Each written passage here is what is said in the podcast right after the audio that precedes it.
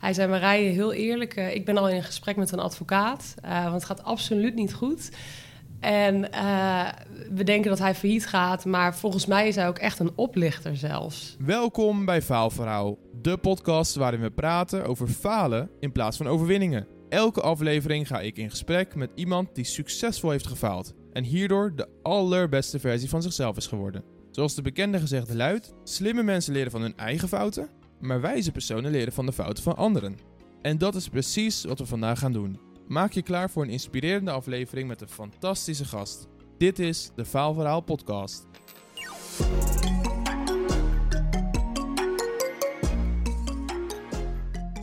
Welkom dames en heren bij een gloednieuwe aflevering van Faalverhaal. Vandaag is Marije bij mij aan tafel om haar grootste fouten en leermomenten met ons te delen. Welkom Marije, leuk dat je er bent. Ja, dankjewel. Bedankt voor de uitnodiging. Zou je in een paar zinnen uitleggen wat je zakelijk gezien doet? Ja, ik ben Marije Kromkamp en ik, um, ik ben IT-recruiter. Uh, zeven jaar geleden begonnen voor mezelf. Uh, ik help dus bedrijven snel groeien in .NET developers. En ik help .NET developers aan meer werkplezier. Dat is wat ik, uh, wat ik inmiddels al tien jaar doe. Daarvoor heb ik bij een softwarebedrijf ook gewerkt. Heel veel ervaring opgedaan en ja, wat ik het liefst elke dag ook doe. Ik kan me voorstellen dat je in de afgelopen jaren waarin je aan het ondernemen bent, heel veel hebt meegemaakt. En heel mhm. veel fouten en leermomenten. Ja, wat heb je meegemaakt en wat kunnen we ervan leren? Ja, in, uh, in de jaren dat ik uh, nu voor mezelf werk, dat is uh, zeven jaar onderneem ik nu, heb ik best wel heel erg veel meegemaakt. Um, sowieso als recruiter maak je echt heel erg veel mee, zowel aan de bedrijvenkant natuurlijk als aan de kant van de developer. Dat houdt het werk ook wel heel afwisselend en ook echt wel heel leuk. Maar tegelijkertijd is het ook echt soms een uitdaging. Um, ik denk dat ik best veel heb gefaald ook. En juist door dat vele falen heel veel heb geleerd.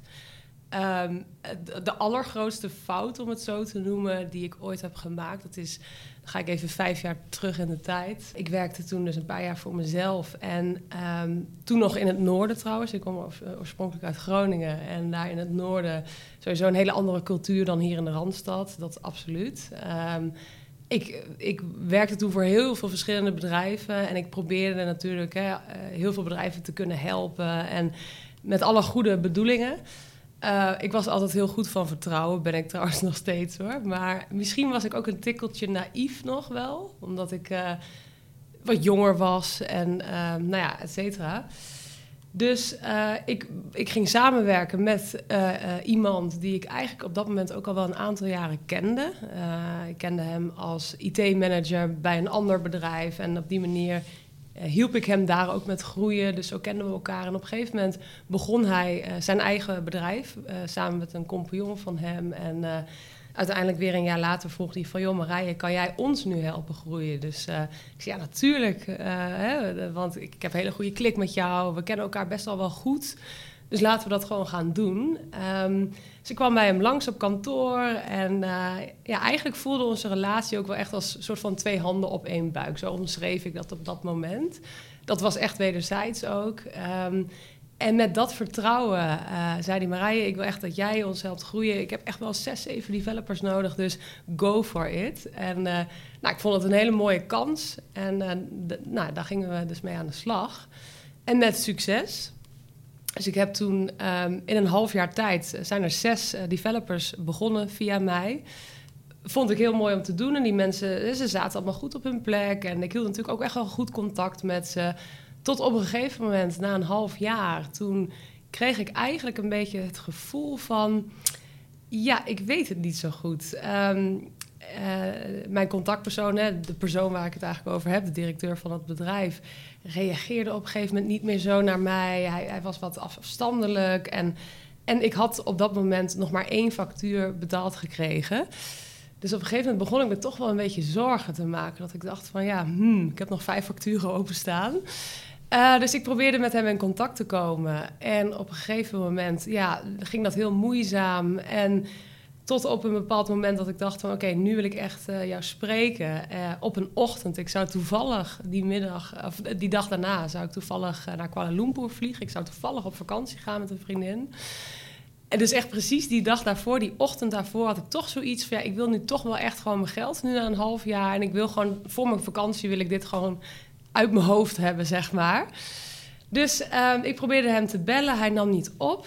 En toen dacht ik op een gegeven moment van... ik ga gewoon een developer vragen die ik natuurlijk daar geplaatst heb. Een collega van hem. Joh, wil jij even naar hem toe lopen om... Uh, nou ja, om in ieder geval te vragen van... Het is heel belangrijk, het gaat echt om een heel belangrijk uh, gesprek. Wil je alsjeblieft Marije even bellen? Nou, dat deed hij gelukkig, dus ik was ergens opgelucht ik met hem in gesprek. En uh, dat was ook een heel apart gesprek, waarin hij eigenlijk ja, met allemaal excuses kwam. En uh, de business liep niet zo heel lekker, dus kan ik uh, het af, absoluut, alsjeblieft nog even uitstellen. Ja, en toen had ik eigenlijk was er iets van, oh, dit voelt niet goed, alarmbellen. En ik hing dat op, een gesprek op. En toen op een gegeven moment had hij mij geblokkeerd op WhatsApp dus toen schrok ik natuurlijk heel erg. En vanaf dat moment kwam ik in contact met iemand die daar ja, ook een beetje als lead developer werkt. Ik, goede kennis ook wel. Ik ken hem ook weer via via. Dus ik begon hem eens te vragen van... joh, weet jij misschien uh, wat er aan de hand is? Want ik ben ineens geblokkeerd. Wat, uh, wat gebeurt hier? Hij zei, Marije, heel eerlijk... Uh, ik ben al in gesprek met een advocaat. want het gaat absoluut niet goed. En we denken dat hij failliet gaat, maar volgens mij is hij ook echt een oplichter zelfs. Dus daar schrok ik heel erg van. Dus ik ben via zijn advocaat gelijk gebeld. Hè. Ik had nog 24 uur voordat ik in mijn vliegtuig naar Kuala Lumpur vloog. Dus uh, ik uh, gelijk zijn advocaat gebeld. En dat liep eigenlijk de volgende dag natuurlijk ook gelijk door. En eigenlijk toen ik net een, die avond in Kuala Lumpur was, had ik contact met die advocaat. En de volgende dag zou een deurwaarder ook langskomen. En toen kreeg ik bericht van het hele pand was leeg. Er was niemand meer te vinden. En toen dacht ik echt, ja, nu is het gewoon wel uh, einde oefening. En uh, ja, klaar. Dus Wauw, dat, ja. ik ben gewoon sprakeloos. Ja, dat snap ik. Ja, dat was ik toen ook. ja. Maar dit is natuurlijk... Um ja, een situatie wat je niet vaak meemaakt. Mhm. Je bent op vakantie. Ja. Wat doet dat met je als ondernemer? Eigenlijk, ja, dat is wel een hele goede vraag. Um, ik was natuurlijk toen echt ook wel jonger nog. Dus um, het maakte me denk ik ook direct wel, eigenlijk wel op dat moment onzeker. Dat ik eigenlijk dacht, hoe kan ik dit nu... Hè, hoe kan ik zo naïef zijn geweest, zo goed van vertrouwen... om dit eigenlijk te lang uh, ja, door te laten te hebben gesudderd, weet je wel. Dat ik eigenlijk dus gelijk een beetje boos was op mezelf. Van waarom was ik zo naïef? Waarom was ik zo goed van vertrouwen? En waarom heb ik niet al drie maanden eerder gevraagd van... joh, er staan nu nog drie, vier vacatures open. Wat is er aan de hand, weet je wel? Waarom zat ik er niet veel meer bovenop? Of waarom heb ik niet... Ik had toen bijvoorbeeld mijn algemene voorwaarden... die eh, stuur ik altijd door. Daarin staat natuurlijk gewoon zwart op wit, hè? Van joh dit en dit en dit. Uh, hier moet je aan houden en dit is hoe, hoe we samen gaan werken. Die heeft hij ook nooit getekend, dus daarin was ik ook wel naïef. Hè, want ik vertrouwde hem gewoon heel goed. We kenden elkaar al wel best wel lang. Dus dat, uh, ja, dat, dat is eigenlijk wel waarin ik direct naar mezelf begon te praten. Van joh Marije, waar heb ik dan de boot gemist? Wat heb ik verkeerd gedaan? En mag ik ook vragen om wat voor bedrag het gaat? Ja, dat mag. Dat, uh, dat ging op dat moment om 45.000 euro. Dus ja, een behoorlijk bedrag. ja. ja. Hey, en um, je hebt dan natuurlijk ook nog het reputatiegedeelte richting mm -hmm. de developers toe. Ja. ja. Klopt. Wat is er met hen gebeurd? Ja, nou, ik zat natuurlijk uh, helemaal in de stress. En het eerste wat ik dacht is van... hé, maar hoe kan het dat ik van hun zelf ook niets gehoord heb? Hè? Want normaal gesproken verwacht je dan ook wel... dat een developer met mij contact opneemt van... joh, Marije, waar ben ik nu terecht gekomen? Maar ik denk ook wel, uh, die directeur kennende, dat hij was ook wel gewoon heel. Ja, je hebt heel snel een goede klik met hem. Dus je bent heel snel dat je denkt, wat een fijne, fijne persoon. Uh, dus ik denk dat hij ook heel erg op hen ingespeeld heeft op dat moment, een half jaar lang. Van uh, superleuk dit bedrijf, hè, leuk, leuk dat jullie hier werken. Je gaat gewoon heel veel gave dingen doen, jullie krijgen veel vrijheid. Dus ik denk dat hij ze daarin best wel ook wel gemanipuleerd heeft, waardoor zij niet echt de behoefte hebben gevoeld om contact met mij op te nemen.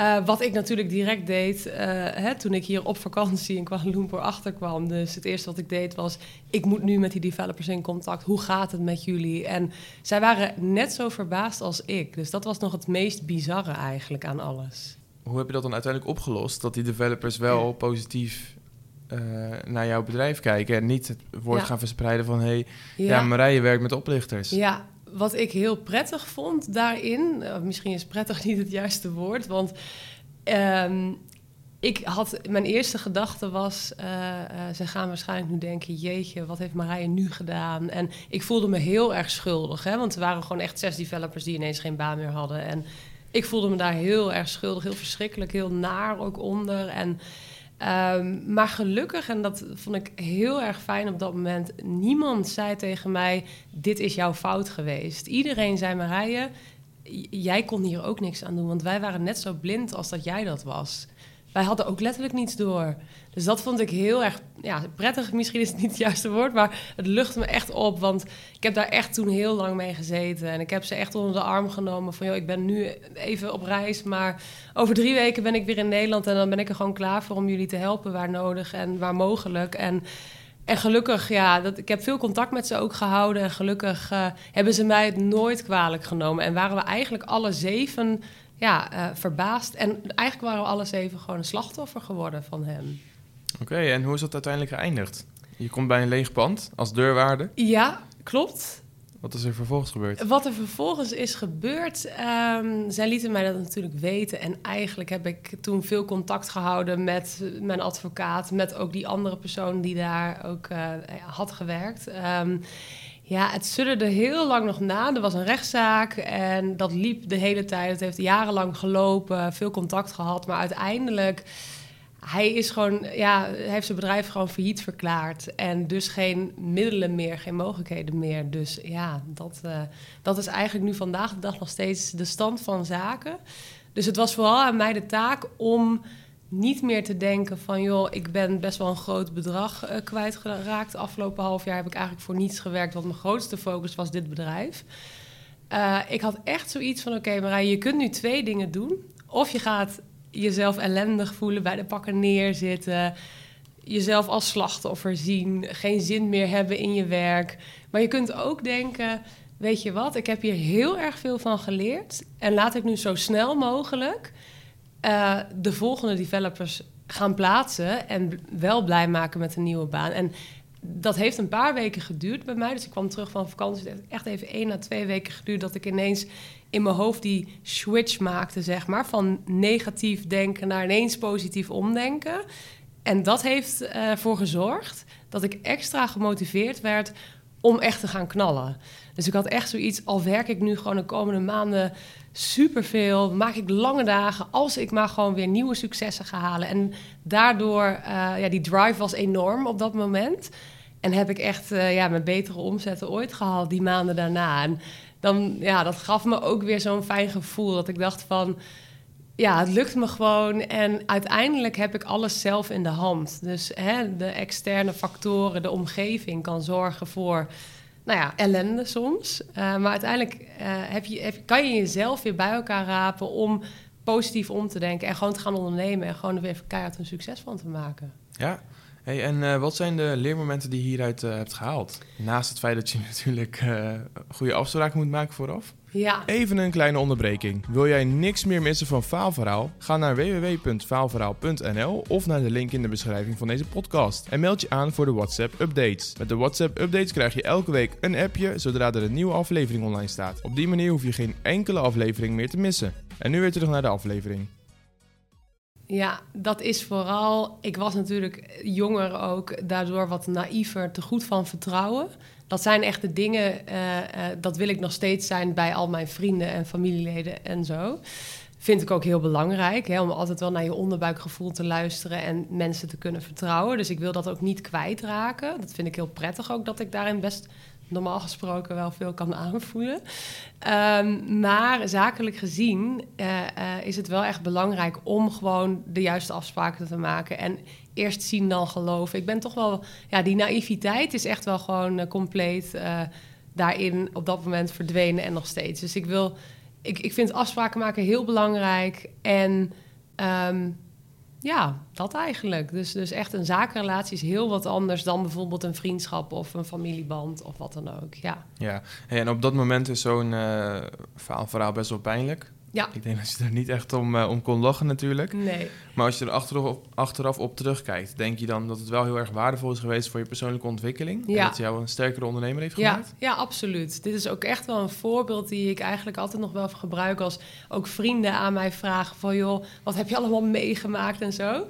Eh, dit zou ik natuurlijk nooit vergeten, dit, ehm, dit voorbeeld. Eh, en ik vind het nu eigenlijk achteraf gezien ook wel ergens mooi dat ik het heb meegemaakt. Het heeft mij echt wel volwassener gemaakt toen, vijf jaar geleden.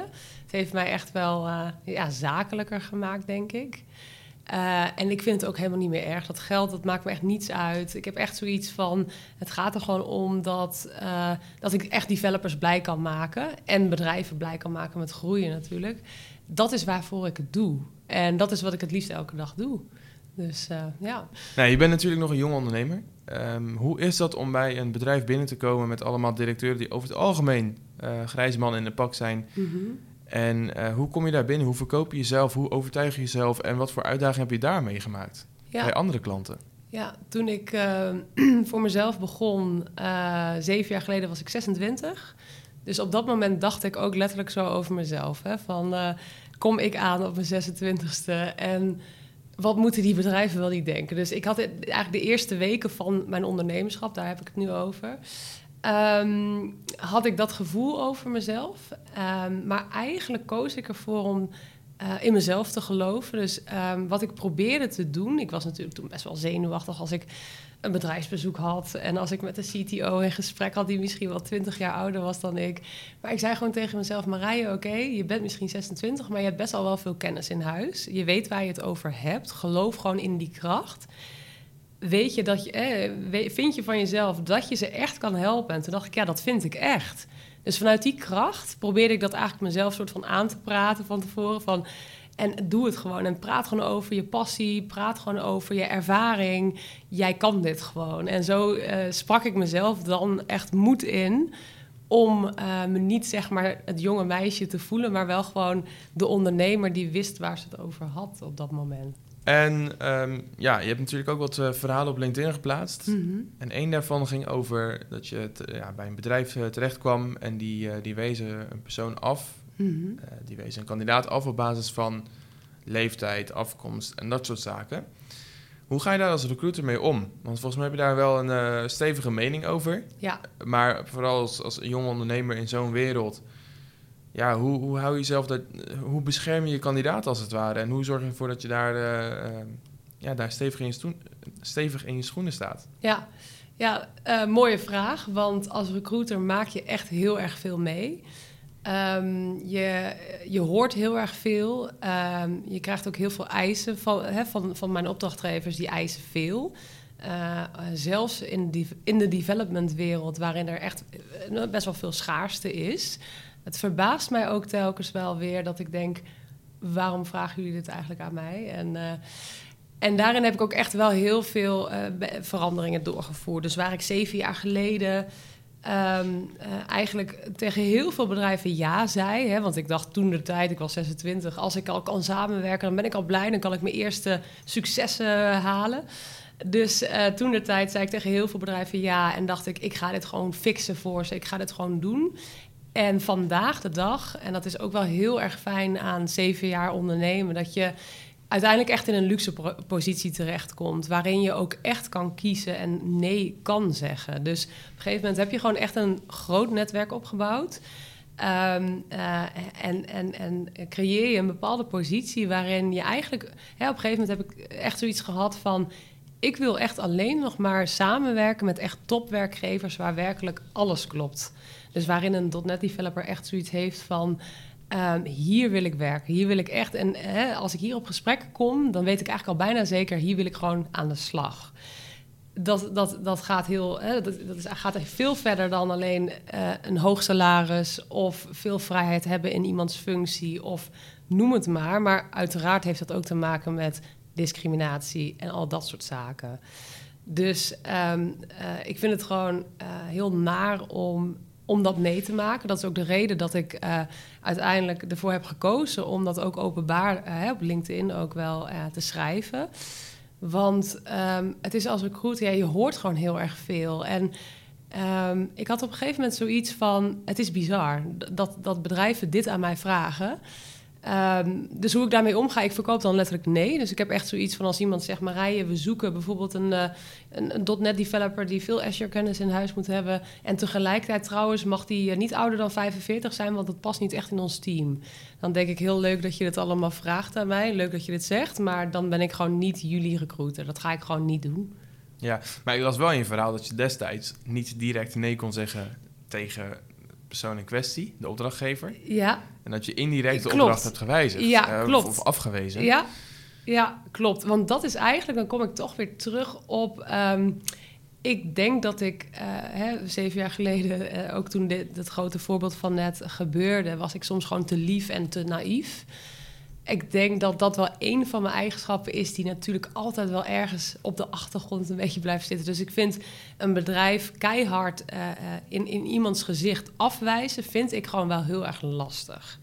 Dus als ik deze eisen op tafel krijg van joh, iemand mag niet ouder zijn dan bijvoorbeeld 45 of uh, diegene moet wel echt Nederlands spreken hoor, want anders gaan we er niet voor. Nou, al dat soort gekke eisen.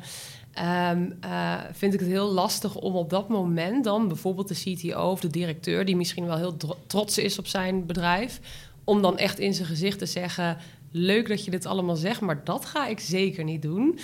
Um, misschien moet ik het binnenkort wel gaan doen, maar wat ik dus meestal zeg dan is van. Nou, oké, okay, uh, ik ben heel kritisch en dat vind ik heel belangrijk om kritisch te zijn. Dus ik verkoop soms eerder een nee dan een ja. Um, uh, ik laat het allemaal bezinken. Ik kom er gewoon later deze week op terug. Dus dan hoor je van mij of ik, of ik inderdaad met jullie wil samenwerken, ja of nee.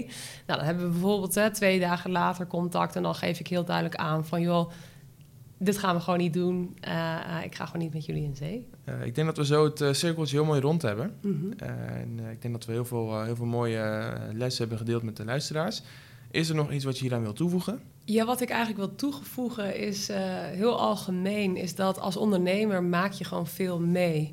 Want vooral in het begin, je begint op nul en je komt uiteindelijk heel ver. Als je in ieder geval elke dag er keihard voor wil werken en het leuk vindt om dat te doen. Dat is ook wel heel belangrijk. En wat ik er eigenlijk aan wil toevoegen is... Um, uh, hoe vaak je ook misschien in het begin op je bek gaat, of hoe vaak je ook denkt van waar ben ik eigenlijk mee bezig? Uh, gewoon doorgaan, uh, leer van je fouten, dat is heel belangrijk. Neem dat continu mee, continu blijf jezelf ontwikkelen en blijf continu denken van en ook heel erg analyseren. Dus eigenlijk terugkijken naar de situatie, naar de casussen. Van oké, dit is de casus, zo is het gegaan, dit is er allemaal gebeurd. Daardoor is het die kant op gegaan. Wat, wat had ik anders kunnen doen? Waarom, waarom is het zo gegaan? En ik denk dat die vraag, die, die stel ik mezelf zeven jaar lang continu elke keer weer. En natuurlijk maak ik nog steeds wel eens een keer een foutje of dat ik denk, hé, hey, dat is gek. Uh, dat, is, dat hoort er altijd bij. Ik denk dat iedereen altijd wel eens een keer een foutje maakt. Hè. Daar ben je ook gewoon mens voor. Uh, maar ik denk dat dat ook het leukste is aan ondernemen, is dat doordat je continu jezelf die vraag blijft stellen van joh, uh, oké, het is zo en zo gegaan, het is die kant op gegaan. Wat, wat, deed, wat had ik anders kunnen doen? daardoor kan je elke dag opnieuw jezelf blijven ontwikkelen, nieuwe dingen blijven leren en dat maakt je werk gewoon heel erg leuk. Yes, ja, heel mooi, heel mooi. Dankjewel voor je toevoeging. Dankjewel ja. voor je deelname aan de podcast. Dan gaan we hem hiermee uh, afronden. En dan wens ik je nog heel veel succes met je toekomstige carrière. Dankjewel. Dankjewel. Heb jij als luisteraar genoten van deze aflevering? Vergeet zeker niet om deze podcast te delen met je omgeving, ons te volgen op social media en je gratis te abonneren via jouw favoriete streamingdienst. Elke donderdag staat er weer een nieuwe aflevering online. Heel erg bedankt voor het luisteren en graag tot de volgende.